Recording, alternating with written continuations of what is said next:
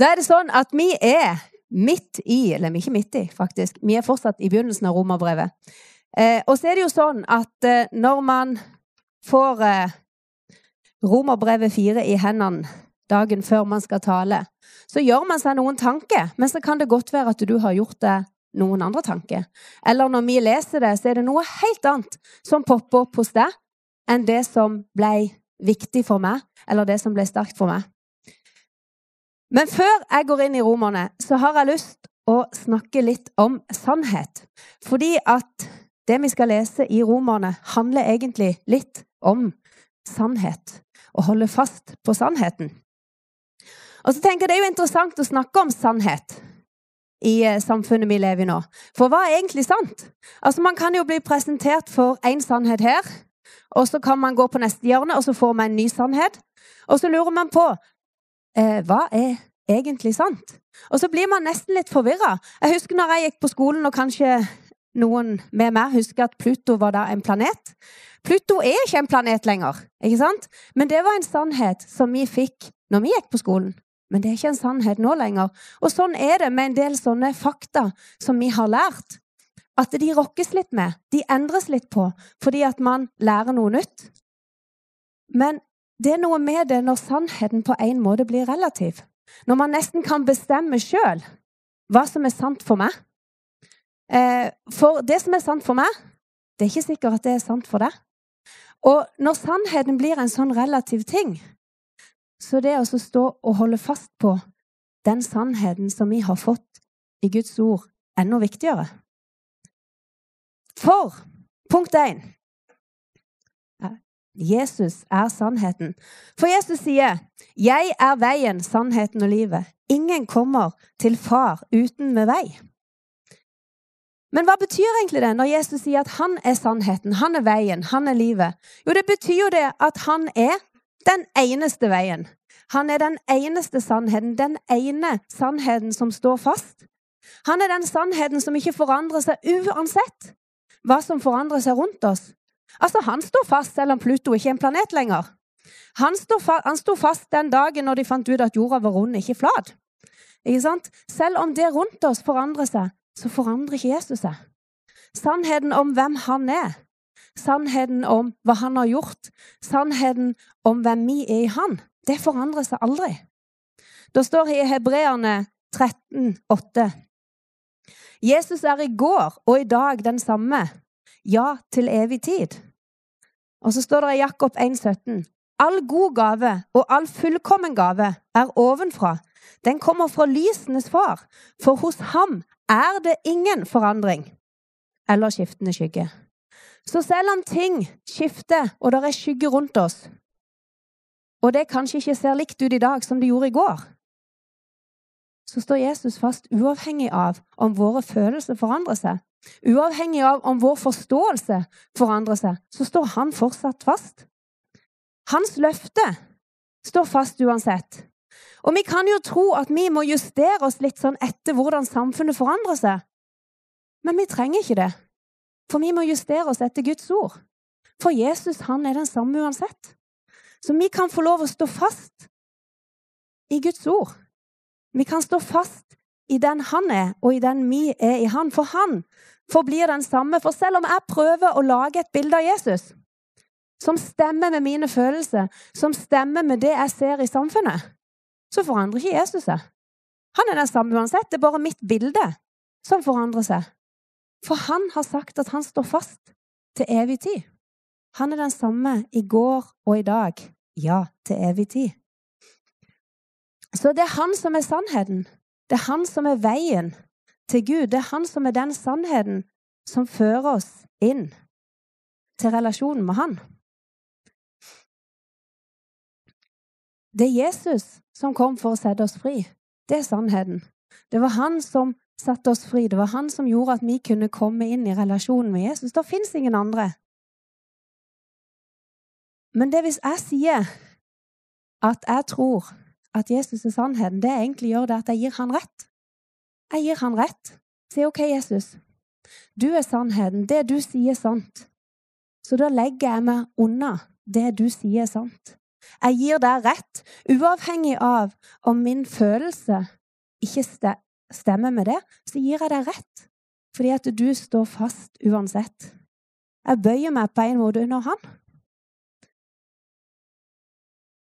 Jeg tror det å holde fast på sannheten i denne tida, det å vite hva Bibelen sier om hva som er sant, hva Bibelen sier om hvem han er, om hvem vi er i han, hva han har gjort for oss, det er så viktig, for det rokkes rundt oss.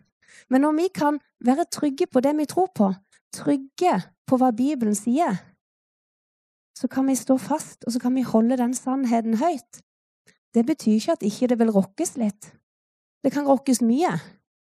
Men jeg vet at jeg vet hva jeg tror på, og da kan jeg stå fast uansett. Punkt nummer to på grunn av tro. Når vi går inn i Romerne fire, så begynner det med dette her med at det er ikke på grunn av gjerninger, det er ikke på grunn av alt vi gjør riktig, eller det vi ikke gjør riktig. Det er ikke det som setter oss fri. Men det er den ene tingen, og det er troa på Jesus. Det er ene og alene troa på Jesus. Det er ikke hva jeg får til, eller hva jeg prøver å få til, men det handler om han. Eh, og når vi leser Romerbrevet 4, så er det Abraham som er i fokus. Det er Abraham og det livet han levde. hvis vi leser i Mosebøkene, så ser vi at Abraham han forlot alt han kjente til, og så gikk han fordi Gud sa gå. Han forlot det, forlot familien, og så gikk han. Og så gikk han mot løfteslandet som Gud hadde lovt. Og så ser vi òg hvordan, når han og Lot skal dele markene mellom seg, så går han på det han kjenner at ja, men jeg trenger ikke ta det beste området. Og så velsigner Gud det. Han går i tro. Og Romerne, Romerne 4 snakker om Abraham som løfter blikket opp på det løftet som Gud har gitt på den sannheten som Gud har gitt han, til tross for de omstendighetene som egentlig ikke stemmer overens med det løftet Gud har gitt. Han valgte å følge Gud uavhengig av hvor lite logisk det var. I Romerne 4, 1-5 så står det Hva skal vi da si at vår far Abraham har oppnådd etter egne forutsetninger? For dersom Abraham ble rettferdiggjort av gjerninger, har han jo noe å rose seg av, men ikke for Gud. For hva sier Skriften? Abraham trodde Gud, og det ble regnet ham til rettferdighet. For den som arbeider, blir ikke lønnen regnet som nåde, men som fortjeneste. Men den som ikke arbeider, men tror på ham som rettferdiggjør, den ugudelige, ham blir hans tro tilregnet som rettferdighet. Så selv om Abraham da gikk og gjorde de tingene som var rett, så var det ikke det som gjorde at han ble rettferdiggjort. Det var det at han trodde Gud. Han trodde på det løftet som Gud hadde gitt. Det handla ikke om hvem Abraham var, men det handla om hvem Gud var. Dersom det det handla om hva Abraham gjorde, så kunne jo menneskene rundt han bare rose han og sagt 'så flink du er, Abraham'. ikke sant? Kan være litt sånn, ja, Vi kan være flinke til mange ting. Kanskje Kanskje du er en av de som er flinke til mange ting, og du får ros, ikke sant? Men det er ikke det det handler om. Jeg kan gjøre alt rett. Jeg kan være, jeg kan være god mot mennesket. Jeg kan gjøre alt det som Bibelen snakker om. Selvfølgelig hadde jeg ikke klart det, men dere er med på poenget mitt. Men det er ikke det som fører meg til himmelen. Det er ikke det som gjør meg rettferdig. Det er troa på Jesus som Guds sønn. Så Abraham trodde Gud, og det ble regna han til rettferdighet. Så mine prestasjoner de er ikke så mye verdi når det kommer til å komme til himmelen. Når det kommer til å ha evig liv. Det er troa på Gud.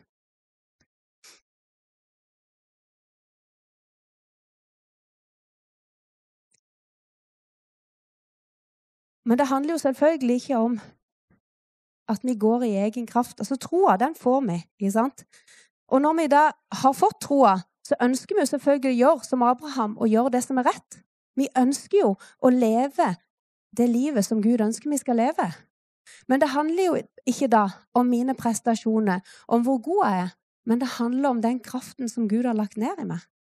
Det handler om den kjærligheten som Han har lagt ned i meg, som Han har lagt ned i deg. Det er ut ifra den vi kan leve det livet som Gud har kalt oss til. Ikke ut ifra våre egne prestasjoner. Så Abraham han kunne ikke rose seg av noen ting for Gud. Det eneste var at han trodde Gud, og det ble regnet ham til rettferdighet. Punkt nummer tre helt fri. Hvis vi leser videre da i Romerne 4, så står det slik også David uttaler saligprisningen over det mennesket som Gud tilregner rettferdighet, uten gjerninger. Salig er de som har fått sine lovbrudd tilgitt, og som har fått sine synder dekket over. Salig er den mann som Herren ikke tilregner synd.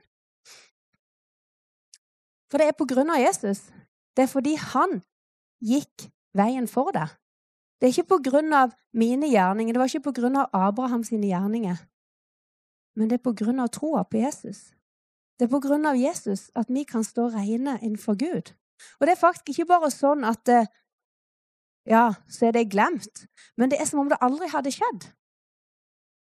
For det han har vaska oss reine.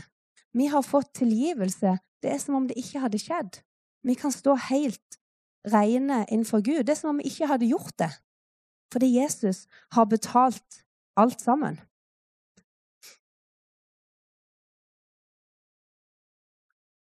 For Bibelen sier at det er sannheten som setter oss fri. Det står i romerne, nei, ikke romerne, i Johannes 8, 31-32. Da sa Jesus til jødene som var kommet til tro på ham, hvis dere blir i mitt ord, og det er dere i sannhet, mine disipler, dere skal kjenne sannheten, og sannheten skal gjøre dere fri. Og Derfor er det så viktig at vi kjenner sannheten. At vi kjenner sannheten om hva Jesus har gjort for oss. At vi kjenner løftene som Bibelen taler om. Sånn at vi kan få lov å ha de i hjertet når ting går imot. At det er sannheten, at det er løftene vi holder høyt. For det, det er så lett å prøve å legge noe til sjøl. Altså, jeg prøver stadig på det. Prøve å gjøre det bra sjøl, ikke sant? Du, og du kan få gjort ganske mye, men det er ikke det det handler om.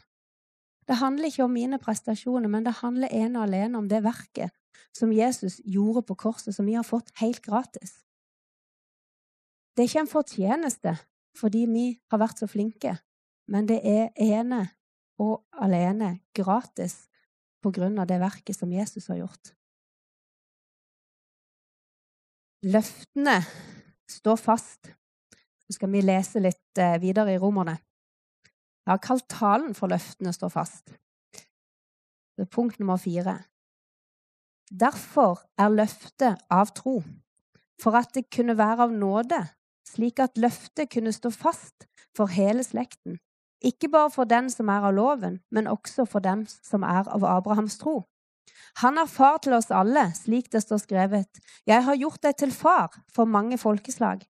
Overfor Gud, han som han trodde på, den Gud som gjør de døde levende og nevner det som ikke finnes, som om det finnes. Da alt håp var ute, trodde han med håp at han skulle bli far til mange folkeslag, etter det som var blitt sagt, slik skal din slekt bli. Han ble ikke svak i troen og var ikke opptatt av sin egen kropp, som allerede var utlevd, siden han snart var hundre år. Heller ikke var han opptatt av Saras døde mors liv. Han tvilte ikke i vantro på Guds løfte, men ble styrket i troen i det han ga Gud ære. Og han var helt overbevist om at det han hadde lovt, det var han også i stand til å gjøre. Og derfor ble det regnet ham til rettferdighet. Nå ble nå ble det ikke skrevet bare for hans skyld at den ble tilregnet ham, men også for vår skyld. Vi som blir tilregnet og som tror på ham som reiste vår Herre Jesus opp fra de døde. Han som ble gitt for våre overtredelser, og som ble oppreist for vår rettferdiggjørelse. Den Gud som gjør døde levende og nevner det som ikke finnes, som om det finnes. Abraham holdt troa på Gud høyt. Så det løftet som Gud hadde gitt. Og når vi ser på Abraham, så var det ikke sånn at omstendighetene til Abraham tilsa at det løftet Gud hadde gitt, skulle skje. Det var helt det motsatte. Men den Gud som gjør de døde levende, og nevner det som finnes, som om det, det som ikke finnes, som om det finnes. Gud skapte deg og meg. Han skapte dyrene, fjellene, havet, jorda, plantene, alt ut ifra sitt ord. Han kalte på det som ikke fantes, som om det fantes. Og så ble det. Han talte med sitt ord, og det blei. Vi kan få lov å tale ut løftene, selv om omstendighetene ikke ser helt sånn ut. Efeserne 3,20 sier Han som er i stand til å gjøre langt mer enn alt det vi ber om eller forstår etter det, den kraft som virker i oss. Og hvilken kraft er det? Jo, det er den samme kraften som Gud reiste Jesus opp fra de døde med. Den bor i oss. Du kan få lov til å tale ut løftene om det som ikke fins, som om det fantes. Fordi at Gud er den Gud som taler, og som taler til det som ikke finnes, som om det fantes. Og vi kan få lov å tale det ut selv om gjennombruddet ikke har skjedd ennå. Det betyr ikke at det er lett. Det betyr ikke at omstendighetene taler for at man skal gjøre det. Men man kan få lov å gjøre det, for vi kan stole på Guds løfte. Det står om Abraham så står det og da alt håp var ute. Da står ikke da nesten alt håp var ute. Jeg tenkte litt på det, jeg hang meg fast i det i går. Da står ikke da nesten alt håp var ute, men da står da alt håp var ute. Så trodde han Gud, med håp.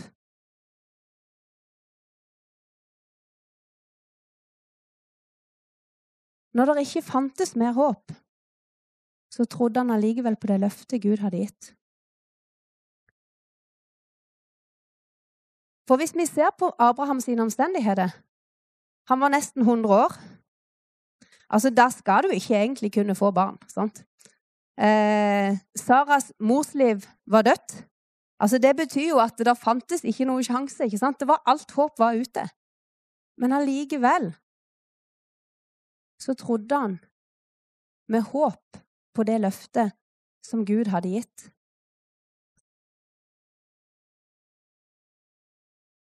Og På samme måte så kan vi få lov til å holde blikket festa på Jesus.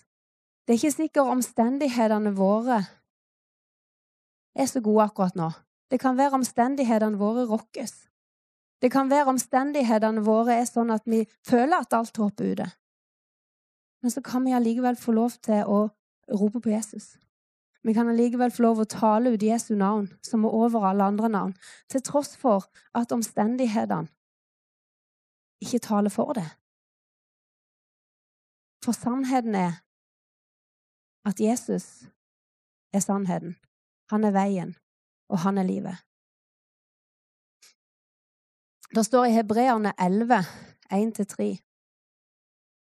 Tro er full tillit til det en håper på, overbevisning om det en ikke ser. For ved den fikk de eldste godt vitnesbyrd. Ved tro forstår vi at verden ble formet ved Guds ord, at de ting som ses, ikke ble til av de synlige ting. Overbevisning om ting en ikke ser. Altså det å håpe og tro på det som vi ennå ikke ser, og tale ut selv om vi ikke ser det ennå. Abraham visste hva Gud hadde sagt. Så holdt han fast på det løftet, selv om de rundt han kanskje lo, selv om de rundt han kanskje talte imot.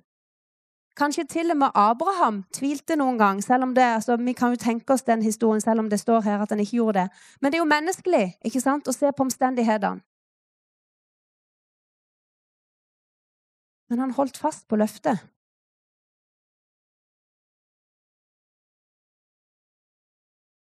Og så kan vi tenke ja, men jeg tviler.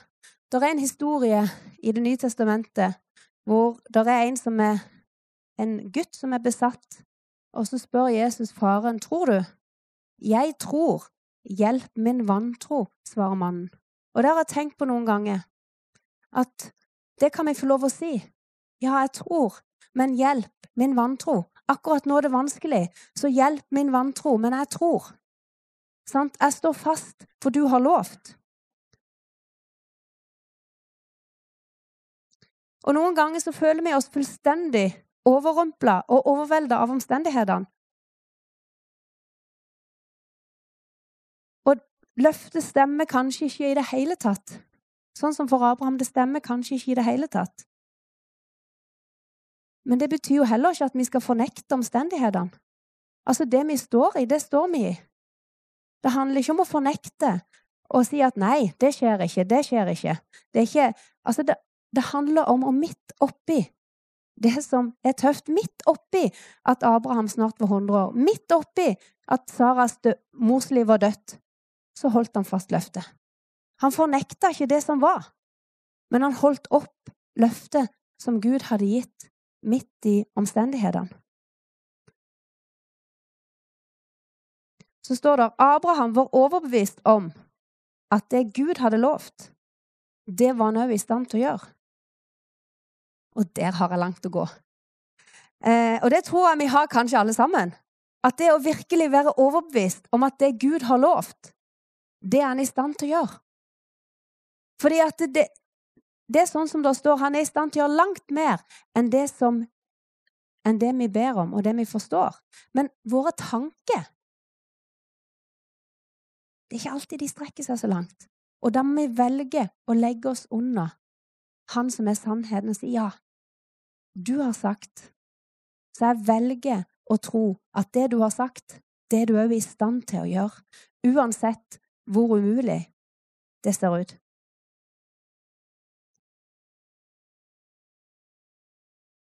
Og det er jo når man da står i tøffe omstendigheter, at vi trenger å vite sannheten. Vi trenger å ha sannheten på innsiden. Vi trenger å ha fundamentet under beina, sånn at vi vet at uansett hva som stormer rundt, uansett hvordan det rokkes, så kan vi få lov å holde oppe sannheten om hva han har gjort, og hvem han er, og at det han har lovt, det er han i stand til å gjøre. Og det er ikke lett, Eh, man kan jo tenke man står i situasjonen si bare det var Si økonomien var helt på trynet. Da er det ikke lett å tale ut at han er min forsørger. Men han er jo allikevel like mye min forsørger når økonomien holder på å gå helt på tverke som det han er når økonomien er på topp. For sannheten er jo den samme, ikke sant? Han er like mye nær selv om jeg føler at han er langt borte. Han er like mye min lege, selv om jeg er sjuk akkurat nå. Og det å, tørre å si det ut, til tross for den omstendigheten man står i, det er ikke lett. Og det er vanskelig, for at omstendighetene taler mange ganger så høyt. Men vi kan få lov til å gjøre det allikevel. Punkt nummer fem. Håpet gjør ikke til skamme. Guds kjærlighet er utøst i våre hjerter. Det står Nå går vi rett over i Romerne 5, så skal Knut Daniel få ta over etterpå der neste søndag. Da, vi altså, da vi altså er rettferdiggjort av tro, har vi fred med Gud ved vår Herre Jesus Kristus. Ved ham har vi fått adgang til den nåden som vi står i, og vi roser oss med håp om Guds herlighet. Og ikke bare det, men vi roser oss også i trengsler, for vi vet at trengselen virker tålmodighet, tålmodighet virker et prøvet sinn, og det prøvede sinn virker håp. Og håpet gjør ikke til skamme, for Guds kjærlighet er blitt utøst i våre hjerter ved Den hellige ånd, som ble gitt oss. Vi leste først at Abraham han trodde, da alt håp var ute, så trodde han med håp. Og håpet gjør ikke til skamme. Det at vi holder håpet høyt eh, og tror med håp, det gjør ikke til skamme, sier Paulus her. Vi kan få rose oss med håp om Guds kjærlighet. Og det er mulig å ha håp midt oppi omstendighetene. Det er mulig å holde løftet høyt. Og har håpet om himmelen, håpet om evigheten, håpet om at vi lever evig i en relasjon med Jesus. Abraham trodde med håp, og vi kan få lov å tro med håp midt oppi det vi står i. Vi kan få lov å tro at midt i omstendighetene så har han en vei. Midt i omstendighetene hvor det egentlig ikke logisk er noen vei, så er han den Gud som lager vei midt i ødemarken. Så er han den Gud som åpner havet. Så er han den Gud som lar det renne vann ifra klippen. Så er han den Gud som helbreder. Så er han den Gud som griper inn i økonomien. Så er han den Gud som taler til det som ikke fins, som om det fantes.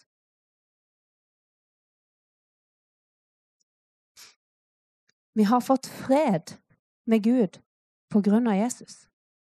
Det er ikke noe skille. Men vi kan få lov å være i relasjon med Han. Vi kan få lov å leve i en nær relasjon til Jesus fordi Jesus har gjort at vi har fred med Gud. Vi har ikke bare fått fred med Gud, men vi har fått hans fred på innsida. Og han har lovt at når vi legger ting på han, står i bønn og påkallelse med takk, så skal hans fred, som overgår all forstand, bevare våre tanker og våre hjerter. Hans løfte står fast uavhengig av mine omstendigheter. Han er ikke langt borte fordi om jeg føler det, men han er fortsatt nær. Vi kan få lov til å tale det ut. Og for å tale ut sannheten, så må vi bli kjent med sannheten. Vi må ta inn av det som er Guds sannhet for oss, og velge å legge oss under Jesus. For håpet gjør ikke til skamme, men Guds kjærlighet er utøst i våre hjerter ved Den hellige ånd. Og den kjærligheten kan vi få lov å reflektere ut til menneskene rundt oss. Ikke fordi vi er så gode i egen kraft, men fordi det er hans kjærlighet som er på innsida. Så kan vi få lov til å skape håp, være med å gi håp til mennesket, sånn at mennesket kan håpe, kan tro med håp. Kjære Jesus, jeg takker deg for du er her. Takk, Herre, for vi kan få lov til å løfte sannheten om deg høyt. Takk for vi kan få lov til å tale ut sannheten om hvem du er, Jesus. Sannheten om at du døde for oss, Herre. At du satte oss fullstendig fri, Herre. Takk, Herre, for du tok på deg alt på korset, Herre. Takk for vi kan få lov til å stole på at du er nær, Herre. At du møter oss midt oppi det vi står i. Takk, Herre, for du kjenner hver enkelt som er her inne, Herre. Og takk, Herre, for du ser hva hver enkelt av oss trenger i dag, Herre. Og ber Herre om at du møter hver enkelt på en måte som, som den forstår, Herre.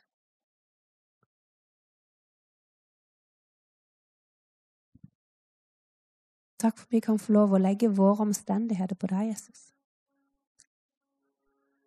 Og stole på at du griper inn, Herre. Midt oppi det vi står i, Herre. Og takk, Herre, for at du har en vei, du har en løsning der vi ikke ser noe vei, der ikke vi ser noe løsning, Herre.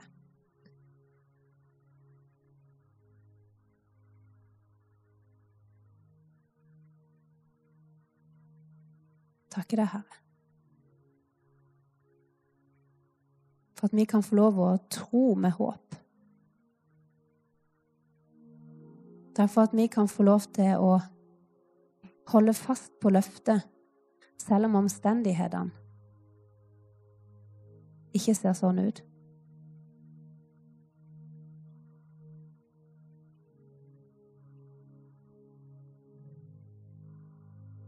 Takk for ditt nærvær, Herre.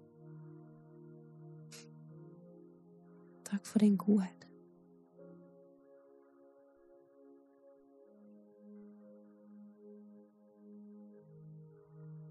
Takk for du er den som har bare gode tanker for oss. Takk for du er den som visste hvem vi var før vi ble oss. Takk for vi er dine barn, Jesus. Takk for vi, for, takk for vi makter alt i deg, Jesus. Du som styrker oss. Takk, Herre, for dine tanker om oss er mer tallrike enn sand. Takk for du har lovt at du aldri skal forlate oss, Herre. Takk for du har sagt at du gir den trette kraft, og den som ingen krefter har, har gir du stor styrke.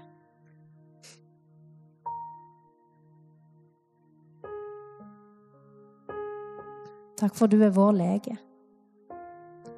Takk for med dine sår så har vi fått legedom, Herre. Takk for du er vår forsørger. Takk for du er den Gud som ser. Takk for du er Jehova Shamma, en Gud som er allestedsnærværende. Takk for at du er alt. Takk for at du er sannheten, Jesus.